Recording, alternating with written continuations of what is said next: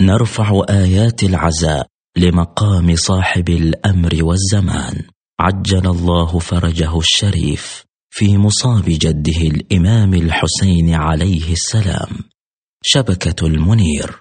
تقدم لكم محاضرة سماحة الحجة. السيد منير الخباز دام عطاؤه في الليلة الثامنة. من شهر محرم الحرام لعام 1439 للهجرة النبوية بعنوان الطفولة البريئة والحرية الدينية. بسم الله الرحمن الرحيم. ربنا هب لنا من أزواجنا وذرياتنا قرة أعين. صدق الله العلي العظيم. وذلك بالمنتدى الإسلامي في أمريكا. صلى الله وسلم عليك يا رسول الله وعلى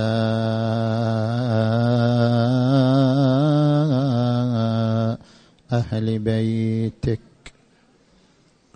المنتجبين يا ليتنا كنا معكم فنفوز فوزا عظيما أعوذ بالله من الشيطان الغوي الرجيم. بسم الله الرحمن الرحيم. ربنا هب لنا من أزواجنا وذرياتنا قرة أعين. واجعلنا للمتقين إماما.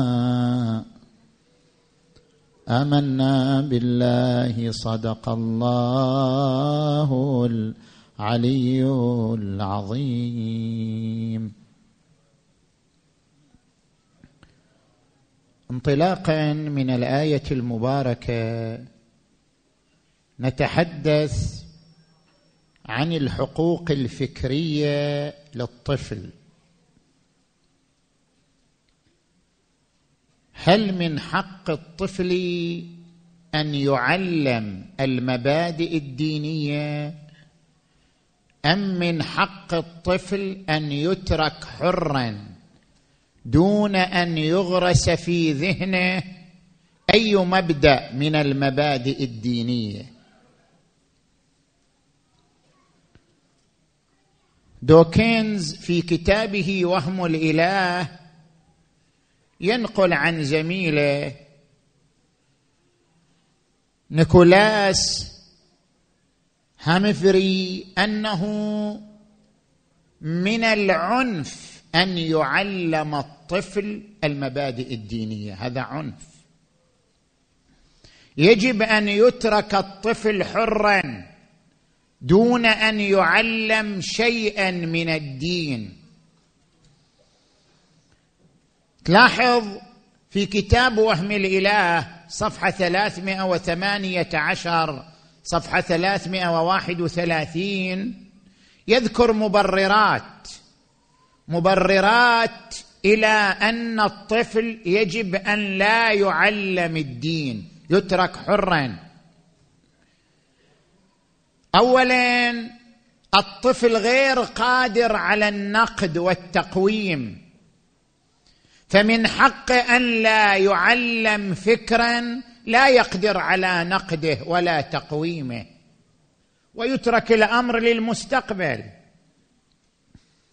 ثانيا قد يسبب الفكر الديني ايذاء للطفل. كما لو كبر في المستقبل فراى ان الدين يقيده يعيقه ويتحول إلى اذى له. فتعليمه المفاهيم الدينيه ايذاء له في بعض الاحيان.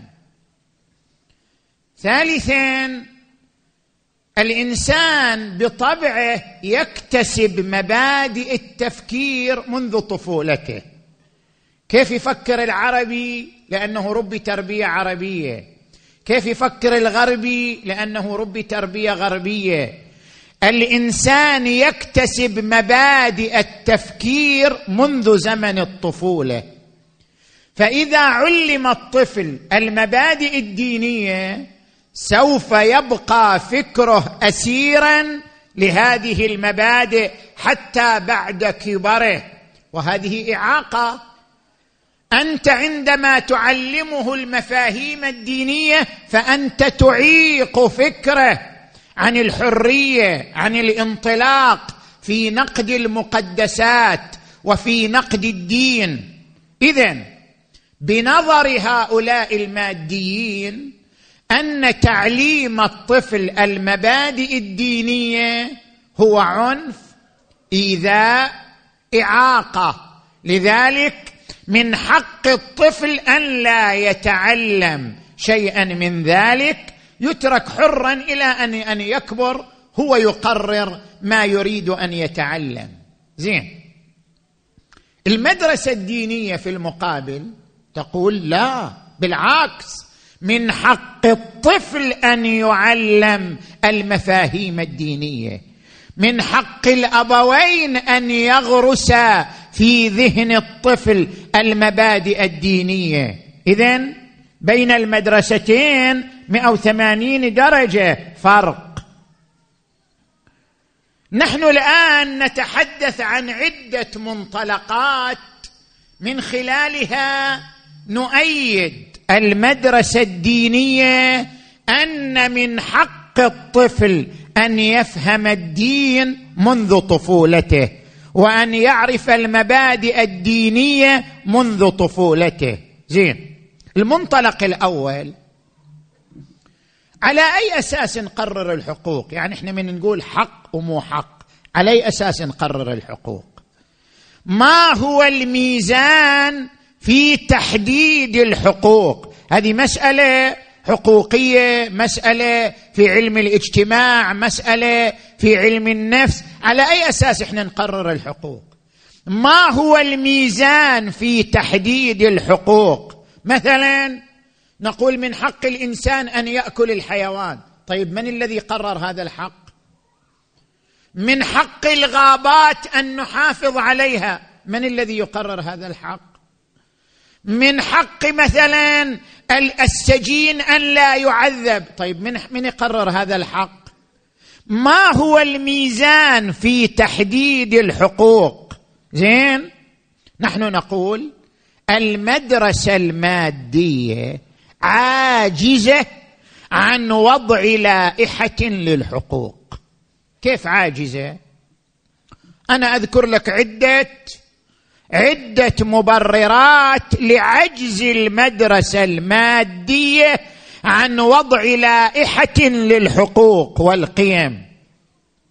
المبرر الأول انتفاء الفارق الجوهري بين الإنسان والحيوان.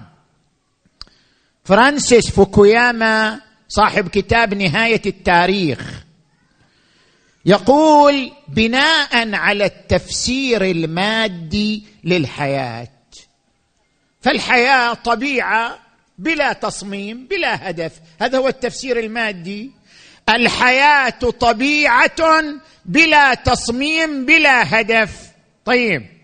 بما أن الإنسان جزء من الطبيعة اذا الإنسان كتلة مادية لا فرق بينه وبين الحيوانات الأخرى. ابدا.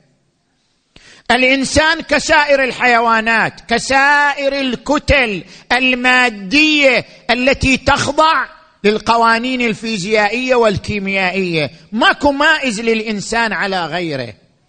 بناء على المدرسة المادية لا يوجد فارق جوهري بين الإنسان وغيره.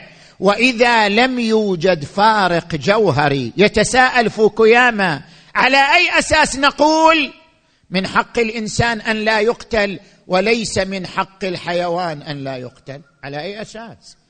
إحنا نقول يجوز قتل الحيوان حتى يأكله الإنسان لكن لا يجوز قتل الإنسان. على أي أساس قررنا ذلك؟ ما دام لا يوجد فارق جوهري بين الإنسان والحيوان بناء على التفسير المادي. بناء على التفسير المادي يقول من حق الطفيلات. طفيليات المعوية والفيروسات الضارة من حقها أن تعيش. لأن ما في فرق بينها وبين الإنسان. اذا لها حقوق مساوية لحقوق الإنسان. التفسير المادي للحياة يعجز أن يفرق بين الإنسان وبين غيره. الجميع كتلة مادية. اذا الجميع له حقوق متساوية. لماذا نميز الإنسان على غيره؟ لماذا نقول الإنسان من حق أن يعيش ويأكل الحيوان؟ من حق أن يقضي على الفيروسات؟ من حق أن يقضي على الحيوانات الض... ليش من حقه لا يبقى فرق بين الإنسان وبين غيره. هذا المبرر الأول. المبرر الثاني عندما ترجع إلى كتاب الوحش البحري المخيف. توماس هوبز يذكر في هذا الكتاب. أن الانسان مجموعة انفعالات بس. إنسان كله إذا تريد تحلل شخصيته هو مجموعة انفعالات فرح ألم خوف غضب طموح هذا هو الإنسان. ويمكن لنا أن نفسر سلوك الإنسان بأحد هذه الانفعالات. إذا كانت حقيقة الإنسان هذا الإنسان العظيم. فقط مجموعة انفعالات. إذا كانت حقيقة الإنسان مجرد مجموعة انفعالات اذا لا يمكن ضبط هذا الإنسان بلائحة الحقوق. لا يمكن ضبطه إلا بالقوة مثل مثل سائر الحيوانات. كما أن الحيوانات هي مجموعة انفعالات لا يمكن ضبط الحيوان إلا بالقوة. كذلك الإنسان مجموعة انفعالات لا يمكن ضبطه إلا بالقوة. اذا لا جدوى في وضع لائحة حقوق وقيم للإنسان. ما دام الإنسان مجرد انفعالات. بل سام هاريس قال أعظم من ذلك كتب كتاب وهم الإرادة الحرة. يعني وجود إرادة حرة للإنسان أيضا أصلا هذا وهم. أصلا الإنسان ما يمتلك إرادة حرة مثل مثل بقية الحيوانات. إذا كان الإنسان كذلك اذا ما هي جدوى وضع لائحة الحقوق والقيم؟ هذا المبرر الثاني المبرر الثالث. الصحفي المؤمن بيتشار هيتشينز يذكر في مقالاته يقول لو جاءنا إنسان قال لنا يمكن أن نضع لائحة للحقوق عبر عقد اجتماعي. ما نحتاج للمدرسة الدينية في وضع الحقوق؟ إحنا نأسس عقد اجتماعي. كما ذكر مثلا روسو كما ذكر روسو أنه يمكن الحفاظ على السلم الاجتماعي عبر عقد اجتماعي. المجتمع يتفق على عقد أن لا يعتدي أحد على أحد. أن تضمن الحريات أن تضمن حياة كل شخص. اذا بواسطة العقد الاجتماعي كعقد روسو يمكن لنا وضع لائحة للحقوق. وما نحتاج إلى الدين. لو قال قائل هكذا يجاوبه. يقول هذا ما يفيد. لما؟ لأن العقد البشري معرض للانهيار في كل وقت. هو عقد بشري. العقد البشري لا يبقى صامدا. ينهار. ينهار بنزوات بشرية. العقد البشري ينهار بضغط حكومي بفوضى شعبية بإعلام مضاد العقد البشري لا يمكن أن يبقى صامدا. الذي يمكن أن يبقى صامدا هو العقد الإلهي هو اللائحة الإلهية. إذا جاءتنا لائحة حقوق من السماء كانت لائحة صامدة. أما العقد البشري فهو قابل للانهيار. ثم ما الذي يلزم؟ ما الذي يلزم الإنسان بالوفاء بالعقد؟ طيب إحنا أقمنا عقد. أقمنا عقدا بين المجتمع على أساس أن هناك حقوق وهناك واجبات. ما الذي يلزمنا بالوفاء بالعقد؟ نحتاج قانون يقرر لنا أن الوفاء بالعقد حق وأن خلف العقد ظلم. طيب اذا مو العقد هو الذي اخترع الحقوق احتجنا إلى قانون قبل العقد يقرر لنا أن الوفاء بالعقد حق وأن خلف العقد ظلم. رجعنا للمربع الأول. ما هو الميزان اذا في وضع الحقوق بناء على التفسير المادي؟ المبرر الرابع والأخير أنه طيب كيف نضمن التزام الإنسان بالحق حتى في الحالات الحرجة. يعني أنت تقدر تلزم الإنسان بالحقوق في الحالات الاعتيادية. إنسان غني ما محتاج يسرق تقدر تلزمه تقول له أن لا تسرق. أما في الحالات الحرجة فقير مضطر لسرقة المال ويأمن من العقوبة يدري أنه إذا سرق لن يعاقب. ما الذي يلزمه هنا بالقيم؟ ما الذي يلزم هذا الفقير بعدم السرقة؟ ما الذي يلزمه؟ بناء على التفسير المادي ما في إلزام. إذا لم نؤمن بالدين إذا لم نؤمن بالإله إذا لم نؤمن بالحساب الأخروي لا يوجد ملزم لهذا الإنسان بالالتزام بقيمة الأمانة وعدم السرقة حتى في الحالات الحرجة. طيب هذا إنسان فقير مضطر للمال يريد يسرق حتى يوفر لنفسه المال ولن تقع عقوبة عليه. ما الذي يلزم الفقير بأن يكون امينا حتى في الحالات الحرجة؟ بناء على التفسير المادي ما إلى ملزم. بناء على المدرسة المادية ما يوجد إلزام لكن بناء على المدرسة الدينية وأن هناك إله وأن هناك آخرة وأن هناك حساب. الضمان الوحيد للالتزام بالقيم حتى في الحالات الحرجة هو المدرسة الدينية هو الإيمان بالله واليوم الآخر. ثم الأخلاق العامة واضحة لكن الأخلاق الخاصة من أين تأتي؟ مثلا العدل الصدق الامانه هذه أخلاق واضحة يمكن للبشر أن يتفقوا عليها. بس الأخلاق الخاصة الإيثار التضحية الفداء ما الذي يلزم الناس بهذه الأخلاق الخاصة؟ يعني الآن مثلا أضرب لك مثال. ألا نحتاج إلى طبيب يضحي بنفسه ويعرض نفسه للأمراض المعدية في سبيل إنقاذ غيره؟ طبعا نحتاج. ما الذي يحرك الطبيب إلى أن يزج نفسه في هذه الأجواء المحفوفة بالأمراض المعدية من أجل إنقاذ المجتمع من هذا الوباء المستشري؟ ما الذي يدفعه؟ هذا إيثار هذه تضحية. عندما نطلب طبيبا يدخل الأجواء المرضية المعدية ليحافظ على سلامة المجتمع.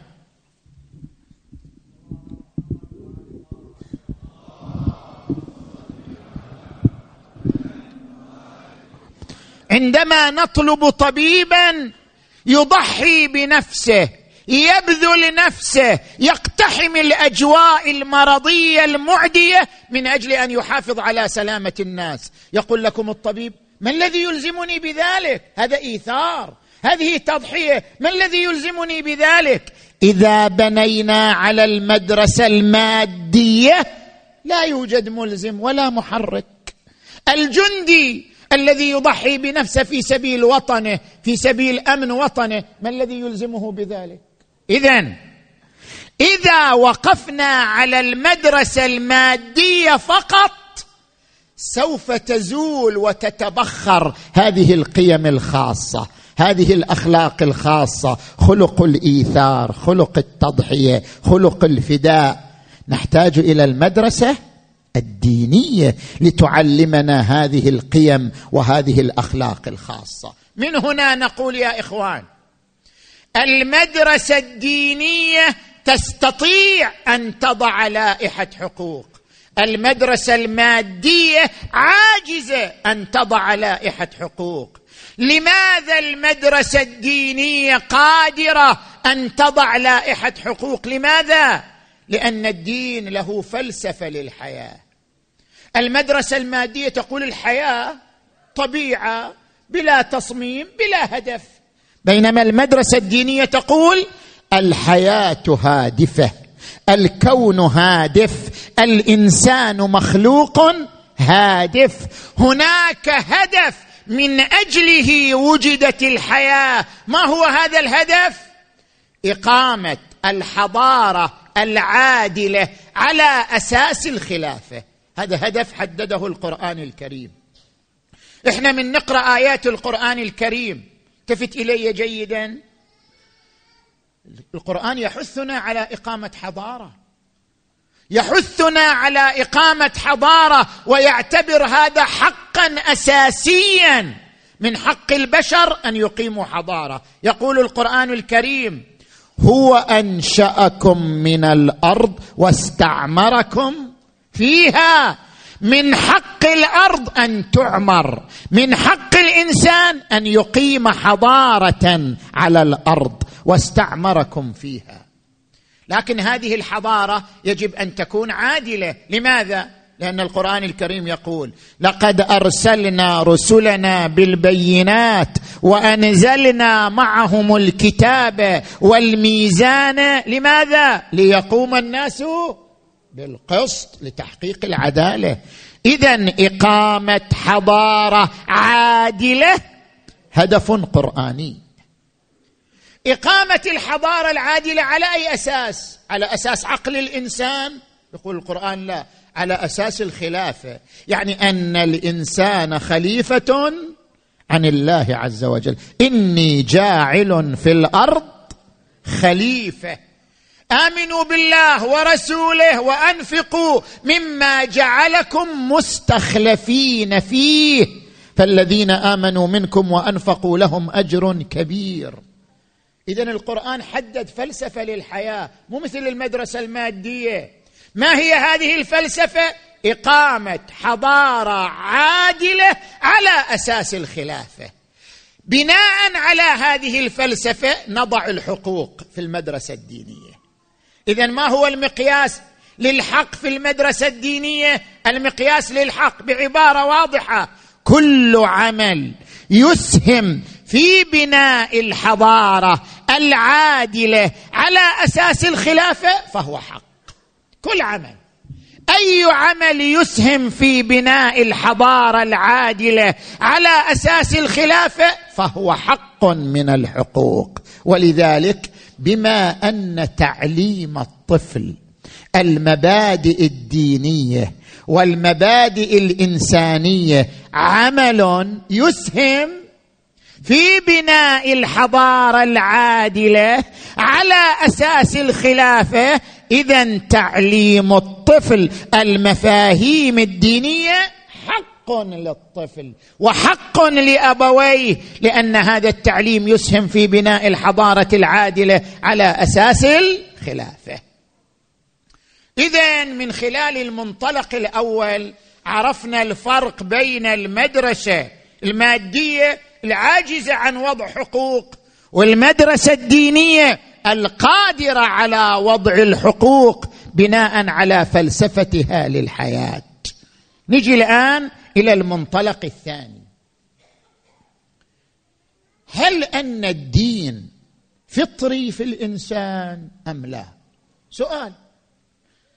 إذا كان الدين غير فطري اذا تعليم الطفل الدين خلاف طبعه خلاف فطرته فيكون عنفا وايذاء واعاقه لأنك تعلم الطفل شيئا لا تقبله الفطرة ولا يقبله الطبع السليم. أما إذا كان الدين منسجما مع فطرة الإنسان فتعليم الطفل المفاهيم الدينية ليس عدوان ولا عنف ولا إعاقة بل هو إثارة وترسيخ وتكامل. وهذا ما نريد أن نثبته الآن. هل الدين فطري؟ أم لا؟ لاحظوا يا إخوان قبل سنين جامعة اوكسفورد قامت ببحث إحصائي مدته ثلاث سنوات. ضم سبعة وخمسين اكاديميا على مستوى عشرين بلدا. يضم مجتمعات متنوعة ثقافيا ودينيا. شنو الهدف من هذا البحث؟ الهدف يريدوا يتوصلوا إلى نقطة معينة. هل الدين فطري أم ليس فطري؟ بحث. قامت به جامعة معروفة جامعة اوكسفورد من الذين قاموا بهذا البحث جوستن باريت روجر روجر تريج.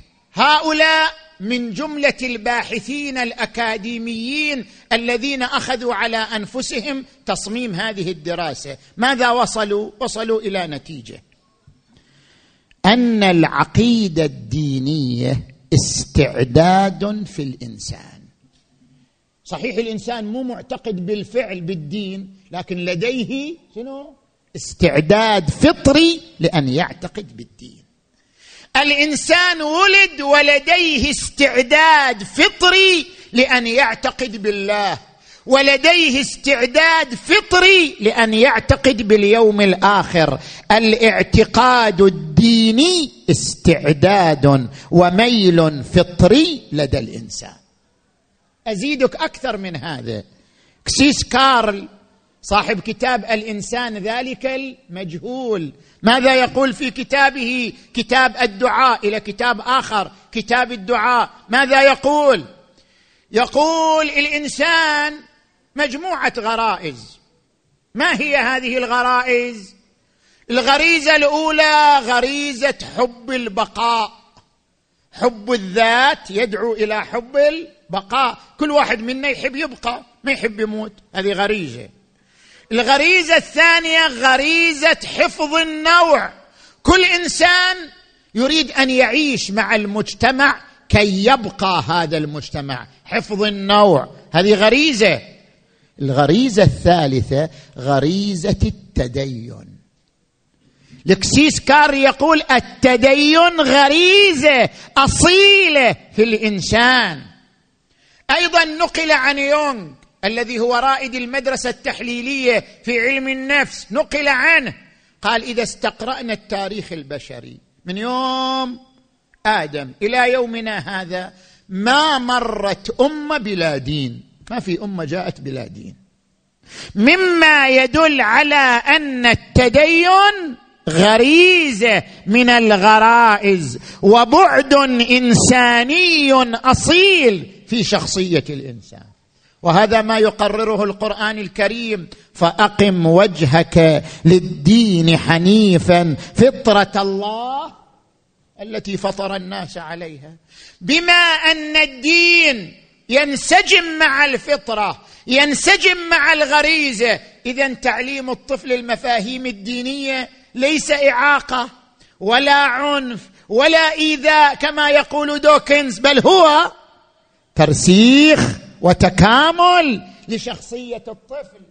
لاحظوا يا إخوان لماذا القرآن يعبر عن النبي بمذكر ومعلم؟ شوف القرآن ترى يعبر عن النبي مذكر. فذكر إنما أنت مذكر. وتارة يعبر عنه بمعلم. هو الذي بعث في الأميين رسولا منهم يتلو عليهم آياته ويزكيهم ويعلمهم الكتاب والحكمة ويعلمكم ما لم تكونوا تعلمون. شنو الفرق بين المذكر والمعلم؟ الإنسان لديه مفاهيم فطرية. الله العدل الصدق. دور النبي بالنسبة إلى المفاهيم الفطرية مذكر. فذكر إنما. أنت مذكر. وهناك معلومات لا يعرفها الإنسان بفطرته. يكون دور النبي بالنسبة إليها معلم. ويعلمكم الكتاب والحكمة. إذا تعليم الطفل المبادئ الدينية تذكير وإثارة لما هو مدفون وكامن في فطرته. نجي إلى المنطلق الثالث. المنطلق الثالث يا إخوان الدين شنو الدين؟ الدين هو أسئلة طبيعية عند كل إنسان. أكو إنسان ما عنده هذه الأسئلة كيف جئت؟ وإلى أين سأمضي؟ وهل وراء حياتي توجد حياة ثانية أم لا؟ أليست هذه أسئلة طبيعية عند كل إنسان؟ كل إنسان منذ طفولته يطرح هذه الأسئلة الطبيعية. كيف جئت إلى الحياة؟ وإلى أين سأمضي؟ وهل هناك حياة أخرى أم لا؟ هذه أسئلة طبيعية فطرية موجودة لدى كل إنسان. المدرسة المادية لم تجب على هذه الأسئلة. الدين أجاب عنها. فعندما نقول علم الطفل الدين يعني أجب على أسئلته الطبيعية ليس شيئا آخر. الشاعر اللبناني المعروف إليا أبو ماضي شاعر المهجر يقول جئت لا أعلم من أين ولكني أتيت ولقد أبصرت قدامي طريقا فمشيت وسأبقى سائرا إن شئت هذا أم أبيت؟ كيف جئت؟ كيف أبصرت طريقي؟ لست أدري. هذا سؤال طبيعي. طيب إذا الطفل طرح علينا أسئلة طبيعية نقول له لا دوكنز قال لنا ما نعلمك شيء. نخليك حر إلى أن تكبر بعدين تتعلم. هذا لا معنى له. ما دام الدين هو عبارة عن أجوبة لأسئلة طبيعية. الدين إجابة لأسئلة فطرية يطرحها الطفل. هذا هو الدين. إذا تعليم الطفل المبادئ الدينية ليس إلا إجابة على أسئلة طبيعية فطرية يطرحها كل إنسان منذ صغره ومنذ طفولته وليس عنفا ولا ايذاء ولا إعاقة كما قيل. نجي إلى المنطلق الرابع. بعد علي منطلقين تحملوني. رابع وخامس. نجي إلى المنطلق الرابع لتعليم الطفل المبادئ الدينية. زين. نقول بأنه إذا لم نسلم بأن المبادئ الدينية فطرية طيب ما سلمنا بذلك؟ العقل يقول من حق الأبوين صيانة شخصية الطفل عن أن تتحول إلى شخصية مريضة مستقبلا. أليس كذلك؟ أليس من حق الأبوين أن يصون شخصية الطفل عن التحول إلى شخصية مشوهة شخصية مريضة شخصية منعزلة شخصية إجرامية. أليس من حق الأبوين أن يصون شخصية الطفل؟ بلى.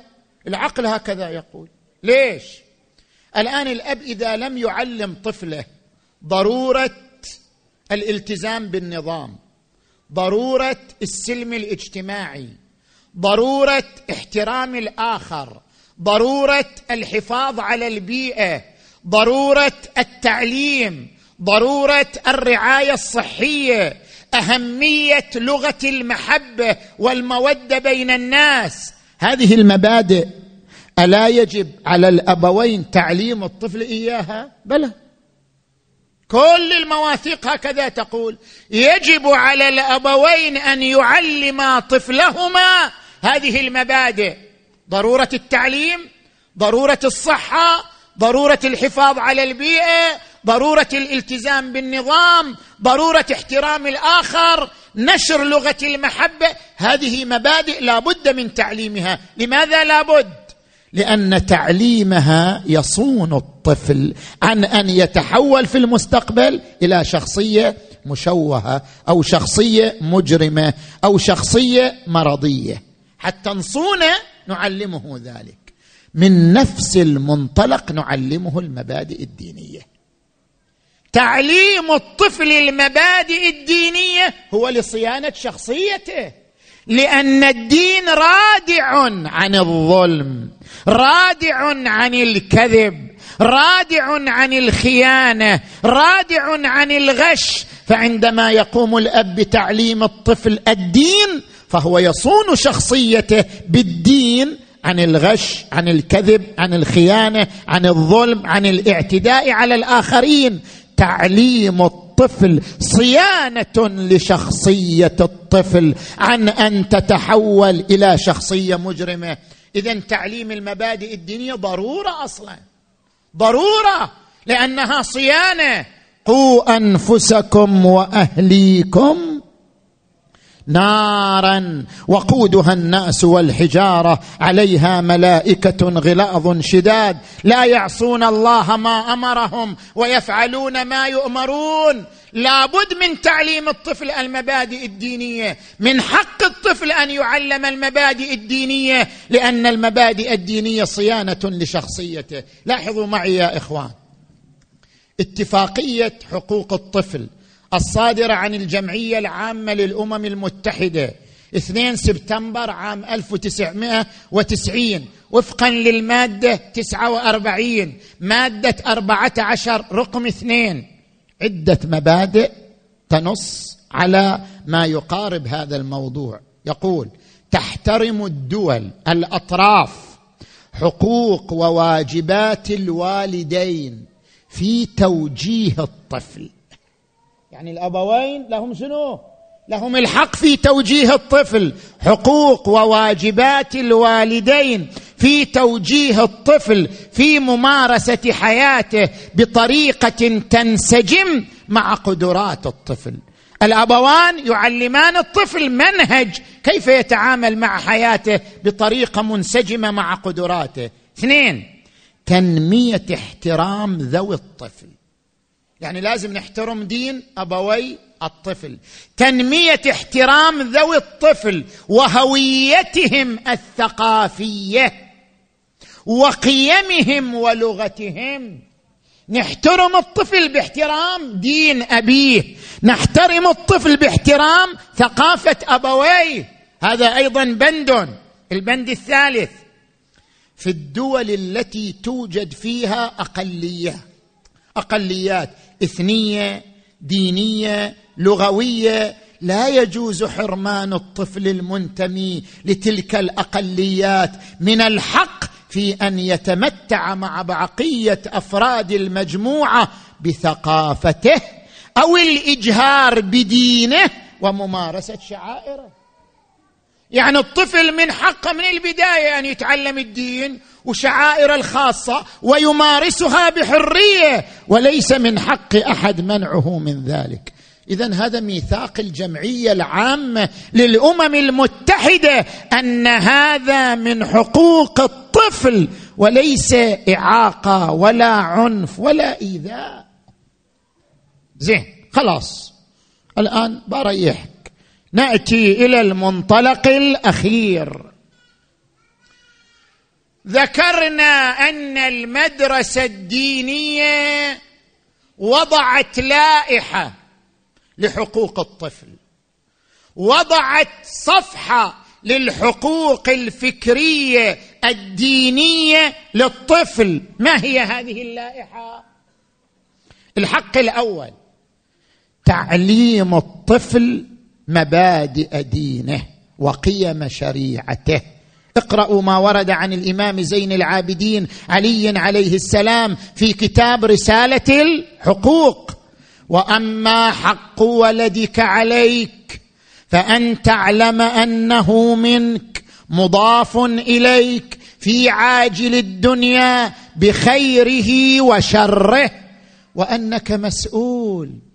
عما وليته به من حسن الأدب والدلالة له على ربه والمعونة له على طاعته. فاعمل في بره. شوف إحنا دائما الآباء نركز على ماذا؟ بر الوالدين. بر الوالدين. طيب وبر الأبناء شلون؟ إحنا دائما نركز بر الوالدين وننسى بر الأبناء. كما للوالدين بر للأبناء بر. الإمام زين العابدين يقول فاعمل في بره. عمل من يعلم أنه مثاب على الإحسان إليه ومعاقب على الإساءة عليه. أنت معاقب إذا أسأت لطفلك. زين هذا الحق الأول. الحق الثاني الصلاة لها خصوصية يا إخوان. نشوف من بين المفاهيم الدينية روايات كثيرة تحث على تعليم الطفل شنو؟ الصلاة. لا تقول والله طفلي يتعلم لا ما يفيد. أنت مسؤول أن تعلمه الصلاة وهو صبي وهو صغير. الصلاة ضرورة التعليم. ورد عن الإمام الصادق عليه السلام أنا لنامر صبياننا بالصلاه لخمس فمروا صبيانكم بالصلاه لسبع. لا تقول والله أنا ما أمر طفلي لا يتعقد. أقول له بابا إيش رأيك تصلي؟ بابا أنت شنو اقتراحك تصلي لو ما تصلي؟ لا الإمام يقول مروا أمر. لابد أن تحثه لابد أن تبعثه لابد أن تامره بالصلاة. مروا صبيانكم بالصلاة لسبع أمر. وأمر أهلك. القرآن يقول وأمر أهلك بالصلاة واصطبر عليها. زين. نجي إلى الحق الثالث الرفق به. يعني لا لا تثقل على الطفل في العبادة. الطفل لازم يصلي صلاة الليل والطفل لازم يصوم رمضان كله لا لا تثقل عليه في العبادة. حتى يقبل الدين بقناعة ورضا. لاحظ ما ورد عن النبي محمد.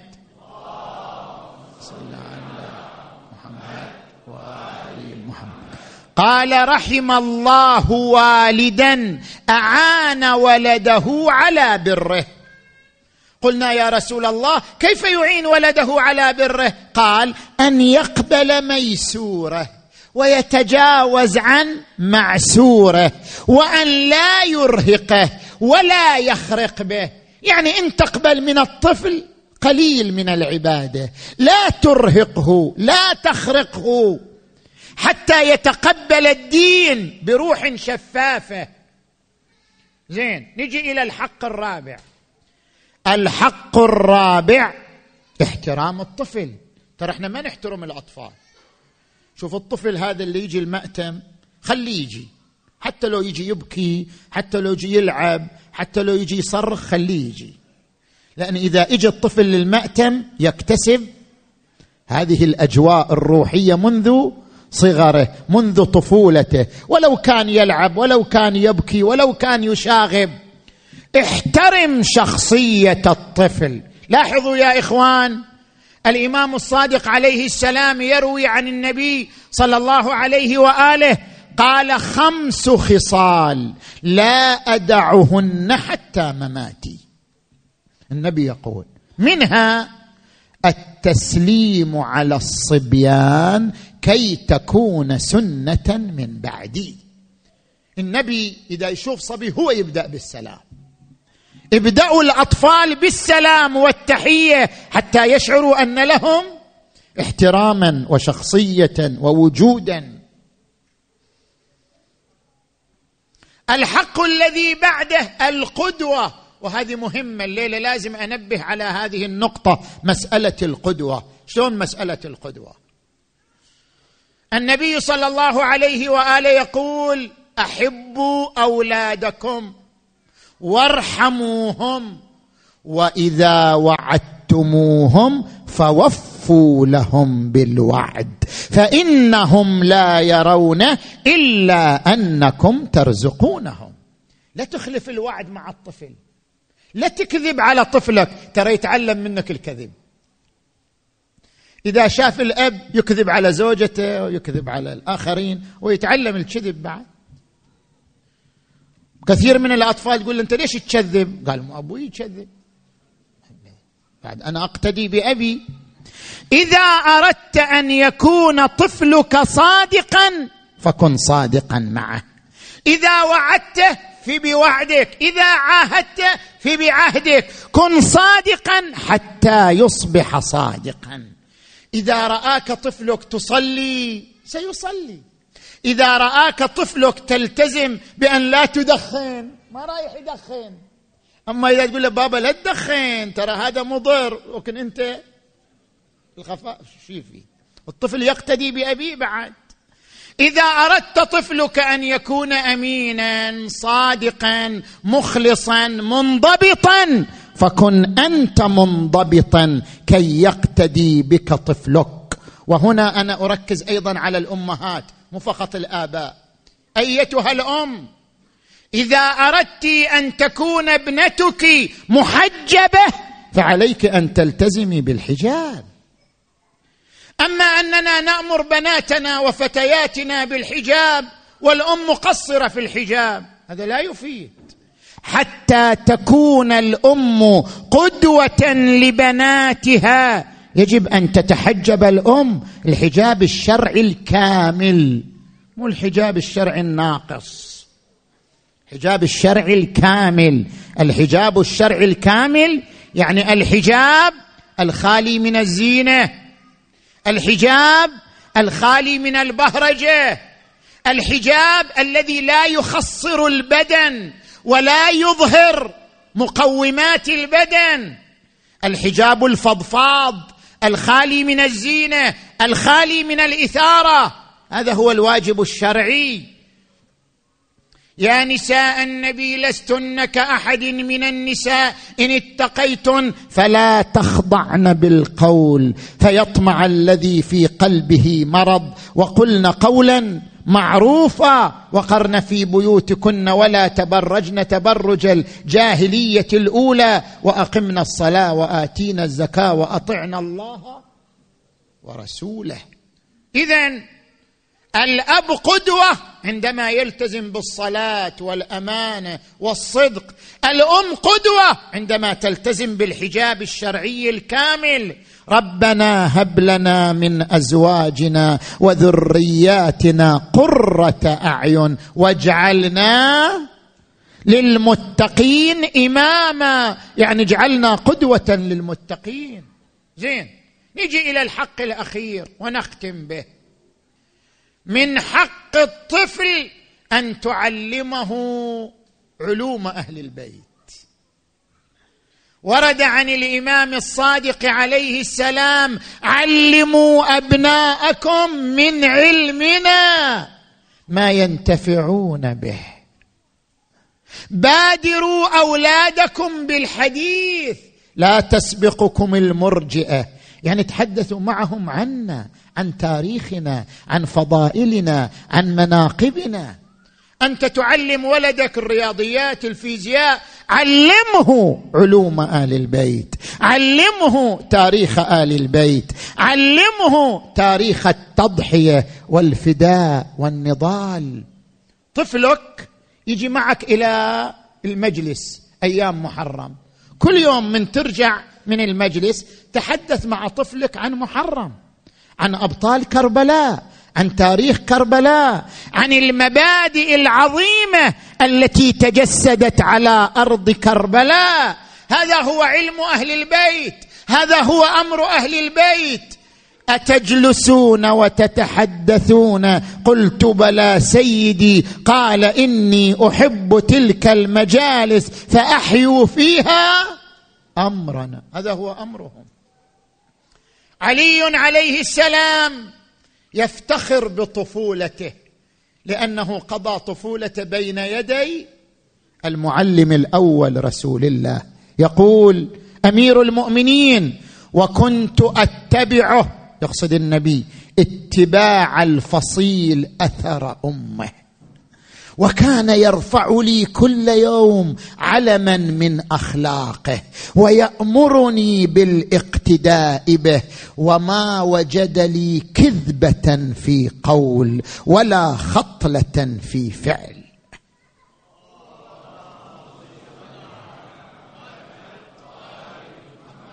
القرآن الكريم ينوه بطفلين عظيمين من هما؟ الحسن والحسين. يقول إن الأبرار يشربون من كأس كان مزاجها كافورا عينا يشرب بها عباد الله يفجرونها تفجيرا يوفون بالنذر ويخافون يوما كان شره مستطيرا ويطعمون الطعام على حبه مسكينا ويتيما وأسيرا إنما نطعمكم لوجه الله. لا نريد منكم جزاء ولا شكورا. من هم هؤلاء؟ ارجع إلى كتاب الكشاف للزمخشري من علماء إخواننا أهل السنة. هو يروي الحادثة.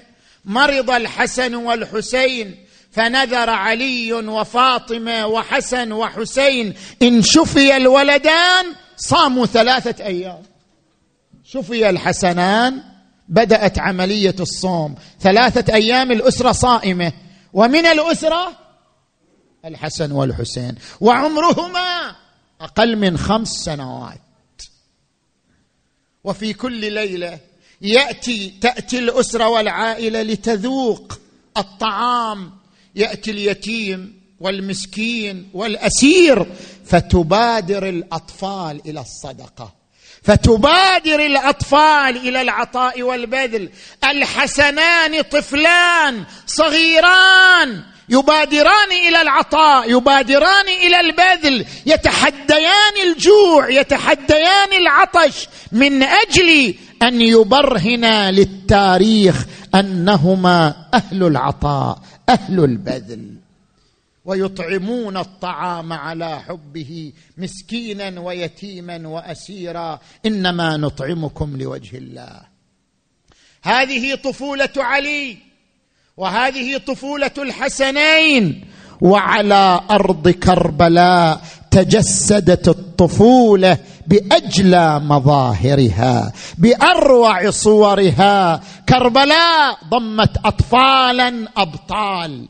هم أطفال لكنهم جسدوا البطولة بأروع معانيها. جسدوا البطولة بأجلى صورها يوم كربلاء. كم طفل نصر الحسين يوم كربلاء؟ كم طفل جاهد بين يدي الحسين يوم كربلاء جسدوا الطفولة بمعانيها العظيمة يوم كربلاء. أبناء عقيل أبناء مسلم بن عقيل أبناء الحسن كانوا أطفال ضحوا من أجل دينهم ومبادئهم. من جملة الأطفال عبد الله بن الحسن أصغر ولد للإمام الحسن. عمره عشر سنوات بين وفاة الحسن شهادة الحسين عشر سنوات بالضبط. هذا ولد سنة وفاة أبيه عبد الله. ما رأى أباه الحسن؟ عاش بين يدي الحسين. عبد الله طفل عندما وقع الحسين على الأرض. هذا الطفل صار يتحسس وين عمه؟ يدخل الخيمات ينظر أين عمي الحسين؟ أين عمي الحسين؟ أين حبيبي الحسين؟ وإذا به لم يجد للحسين أثرا وإذا بهذا الطفل يخترق النساء ويركض يهرول إلى المعركة. زينب تلحقه إلى أين عبد الله؟ إلى أين ولدي؟ قال دعيني يا عمة أريد أن أرى عمي حبيبي أبا عبد الله. الطفل يركض إلى المعركة. وين يروح؟ يصل إلى جسد الحسين. وكان الحسين مغشيا عليه يؤن انينا يقطع القلوب. وصل الطفل إلى عمه أمسك بصدر عمه يضمه ويشمه يقول عم أبا عبد الله أريد أن أبقى معك. بينما الطفل إلى جانب عمه وإذا بالشمر قد أقبل من أجل احتزاز رأس الحسين الطفل يقف أمامه يدافع عن عمه. لا تضرب عمي يا ابن الخبيثة فيضربه اللعين على يده فيقطعها. يلتفت الطفل إلى عم عمي لقد قطعوا يدي. قال اصبر بني حتى تلقى جدك رسول الله.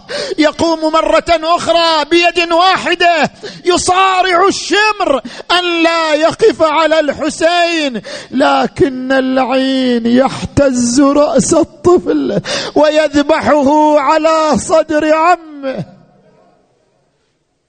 وحسينا ومصيبتا. هذا طفل من أطفال يوم كربلاء وهناك طفل آخر أخوه القاسم بن الحسن. القاسم عمره أحد عشر سنة. أقبل إلى عمه الحسين قال عم أبا عبد الله ائذن لي بمبارزة الأعداء.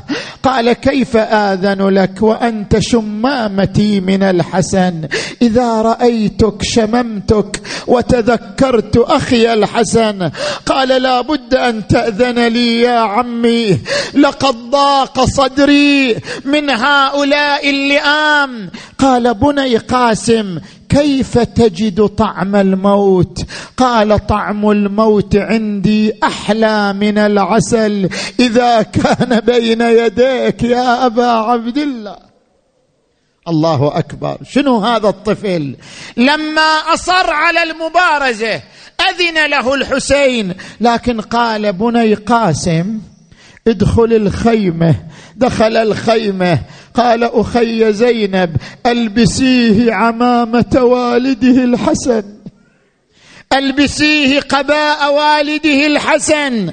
زينب العقيلة ألبست القاسم عمامة والده. ألبست القاسم قباء والده. ثم قال الحسين بني قاسم اخرج على عماتك وأخواتك حتى يروك بهذه الصورة. خرج القاسم لابسا عمامة أبيه وقبائه وكان طويل القامة. فلما راينه النساء صرخن ونادين وحسنا. وضيعته ومصيبته. عظم الله أجوركم ثم برز هذا الغلام وقف على نشز من الأرض. نادى إن تنكروني فأنا نجل الحسن. سبط النبي المصطفى والمؤتمن هذا حسين كالأسير المرتهن. بين أناس لا سقوا صوب المزن صار يقاتل الأعداء ويفرقهم عن الخيام. فانقطع شسع نعله وقف يريد أن يصلحه. فحمل عليه الازدي قال لافجعن أمة وعمه فيه عظم الله أجوركم بينما هو يقاتل وإذا بالسيف وقع على رأسه. خر يخور في دمه. نادى عمي أبا عبد الله عليك مني السلام. خرج الحسين من الخيمة وقف على الغلام. وإذا به يعفر برجله في التراب. يعفر برجليه في التراب من شدة الدماء من حرارة السيف يعفر برجليه في التراب وهو مخضب بدمه وقف الحسين على جسده نادى ولدي قاسم.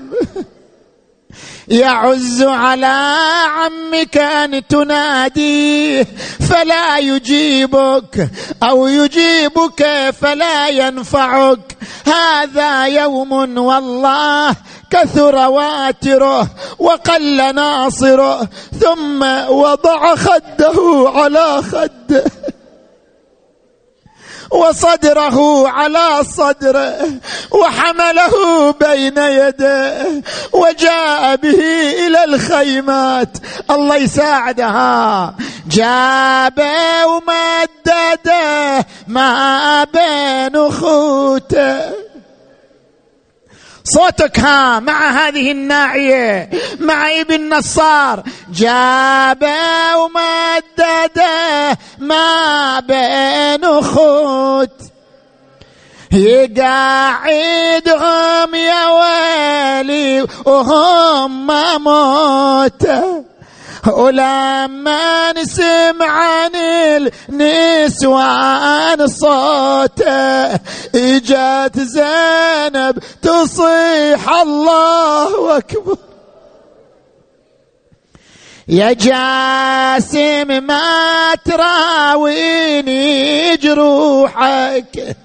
يا جاسم ليت روحي قبل روحك. يا جاسم لوين أبقى؟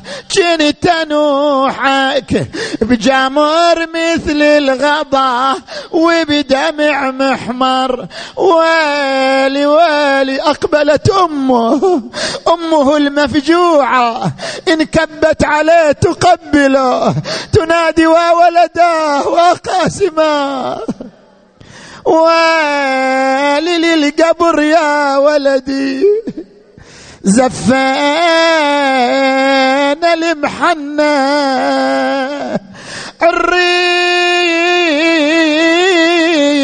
بعد وبشبابه وبشبابه ما تهنى. ولا يندخل قبرك دخلنا.